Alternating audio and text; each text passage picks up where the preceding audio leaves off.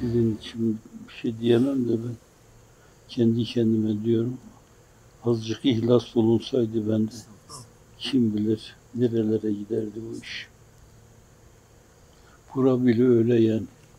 İhlasa teveccühün eseridir yani burası. 7-8 tane kulübe vardı. Abdullah hocalar buradayken alalım bizi inziva yapalım falan dedik. Ve onlarda kaldık. Ben de kaldım yani. Şimdi bu. Ama maili nidam binirlerdi yani. 7-8 tane tavuk kulübesi gibi bir şeydi. Örnek teşkil eder. Her yerde de aynı şeyleri, her eyalette aynı şeyleri yapabilirler arkadaşlar. O verdiğine göre burada veriyor başka yerde niye vermesin? Aynı şey. Bize ihlaslı olmak, samimi olmak, her şeyi ondan bilmek düşer. Seyfettin Efendi'nin küçük oğlu Sade Efendi hocamdı benim zaten. Evet, sonradan onun yakınlığı, sıcaklığı her şeyi aşmıştı yani. Evet. Mehmet Bey'le gittik. Bursa'da bir kazada vaizdi. Ben hani çocukluğumda bir yaramazlık da yapmış olabilirim. Dedim bak içeri gireceğiz şimdi. Sert davranırsa sen sakın yani şey yapma. Büyütme gözünde bunu. Evet bana niye geldin sen falan diyebilir. Yok aslında öyle dediğine de şahit olmadım yani. Ben askerdim Erzurum'da.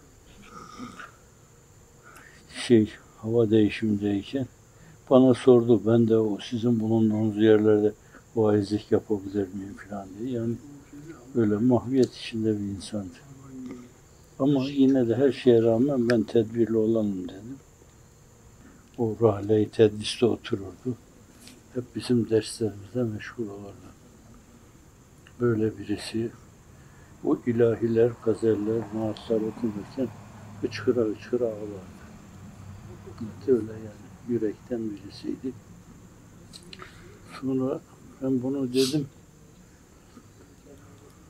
Kapıyı vurduk, içeriye giriyorduk. Hanıma Mükerrem abla. Annesi onun valideyle bizim kardeş olmuşlar da teyze çocukları falan diyorduk biz kendimize. Dedi ki Fethullah Hoca geldi dedi. Hemen o sigarasını söndürdük. O bir odadaydı. Diğer odaya geldi. Oturdu. Konuştuk konuşma esnasından dedi böyle. Evet. O günlerde de böyle hizmette açılımlar yeni yani. Yani Azerbaycan'a gitmişiz. Veya işte şeye sizin gittiğiniz yere gitmişiz. Bu türlü şeyleri çok büyük görüyor. Bu Cenab-ı Hakk'ın işi dedi böyle. Böyle efendim bazı kimseleri tecdit hareketiyle şereflendiriyor. Şu an dedi ben kastediyorum. Sonra dışarıya çıktığımızda Mehmet Efendi dedim kemalatını gördün mü? Ben onun hakkında ne düşünüyorum? Hani bize hitap edecek. O benim hocam aynı zamanda. Bizim hakkımızda ne düşünüyor? Filan. Evet. Böyle yani mübarek bir aileydi. Aklıma gelen şey yani benim üstadımızın yaptığı gibi, sizin hizmette yaptığınız gibi hayatı bütün birimleri böyle açılma yolları gösterme filan. Acaba şartlar mı müsait değildi? Ona böyle müritlere münhasır böyle kalma filan. Öyle olmuştu. Sadece şimdi. Salih Efendi'yi size gördünüz yani. Kemalatı. Biz onu bir kanepede oturtamazdık yani. Gelir, biz orada böyle sedirlerde oturuyoruz. O yerde oturur, bağdaş kurar yerde otururdu. Yani bu sadece bana karşı bir gösteriş olarak değil. cenazesine ben de İstanbul'daydı. Şeye gittik. Erzurum'a oraya gömüldü. Fakirullah Efendi oğlu o da yakın tarihte efendim bir sene iki sene oldu galiba öleli. Fakirullah Efendi o da alimdi. Vaizlik müftülük imtihanında da beraberdik onunla. Evet. Ben namazı siz kıldırın dedim. Babasının hayır dedi. Babam bizden daha çok sana değer verirdi falan dedi. Yani böyle bir mahviyet içinde bir insandı. Bizim hoca gibi yani. Ben kendimde hiçbir zaman öyle bir şey görmedim. Kadem bastın. Evet böyle kendisini ziyarete gideceğimi duydum Erzurum'da. Bir iki arkadaşı çektiydi onu zannediyorum. Girdik içeride küçük bir oda orada bir gazelhanlardan birisini getirmiş. Bir daire de var elinde. Def yani. Def orada. Ben hemen kapıyı tıklattım da o başladı. Kadem bastın gönül tahtına sultanım sefa geldin. Al var imamını. Onu söyledi, ben öyle karşıladım. Salih Efendi. Kemalat. Necip Fazıl öyle bize karşı yani. Hiç kimse işi yapamazdı, sindiremezdi de fakat hizmete karşı çok yakınlığı vardı. Cenab-ı Hak bir de beni bu hizmetle inkisara uğratmasın der. Öyle bir şey. Bütün bunlar hepsi Cenab-ı Hakk'ın tevcihinden, onların da teveccühünden ibaret. Valide de dine hizmetten başka hiçbir mülazası yoktu. Vazifesi değildi onun ama dedemin hanında bütün köyün çocuklarına Kur'an'ı öğretti. Vazifesi değildi yani. Babam da imam değildi o zaman. Alvar'a gittik orada da çocuklara Kur'an'ı öğretti. Öyle. Ben de dört yaşında onun rahle-i hadisinde Kur'an'ı hatmettim. Düğünün oluyor dediler, yemek yediriyorlar. Bütün köy halkına bal, kaymak filan. Bana da dediler, senin düğünün oluyor. Ya böyle bana ayıp şeyi nasıl nispet ederler diye hıçkıra hıçkıra ağladım. Öyle bir hayat yaşa ki olsun mevtin sana hande, aleme matem.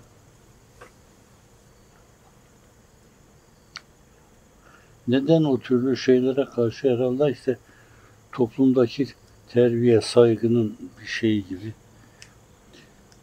Teyzem sayılır da da onun Ziya Efendi o Sariye Mariye bahsedilir ya işte onların şeyleri onun oğulları İzzet. Bizden yaşlıydı belki 10-15 yaş yaşlıydı bizden. Bana ya o ya öbür abisi bana bacanak derdi.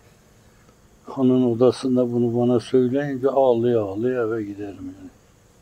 Bana böyle çok ayıp bir şey söylediler. Evet. O avcılar kampında böyle bir ağaç vardı. Ağaca yaslanır bazen. Sohbet ederdim. Ders, toptan ders okuduğumuz yer vardı. Abdullah Hoca bilir. Sonra grup grup insanlar olduğu yerlerde bunlar her birisi bir gruba gider, şey yaparlardı. Onlardan bir tanesi de öyle hususi mahiyette sohbetti. O biraz üstadımızdan yani mülhem bir şey vardı. Efendim şey İzzet ve azamet ister ki esbab perdedarı deste kudret ola aklın nazarında. Umuru hayriyenin muzırmanileri olur filan. Böyle ona benzer bir sohbet yapılıyordu. Esas yani uygunsuz bir şey.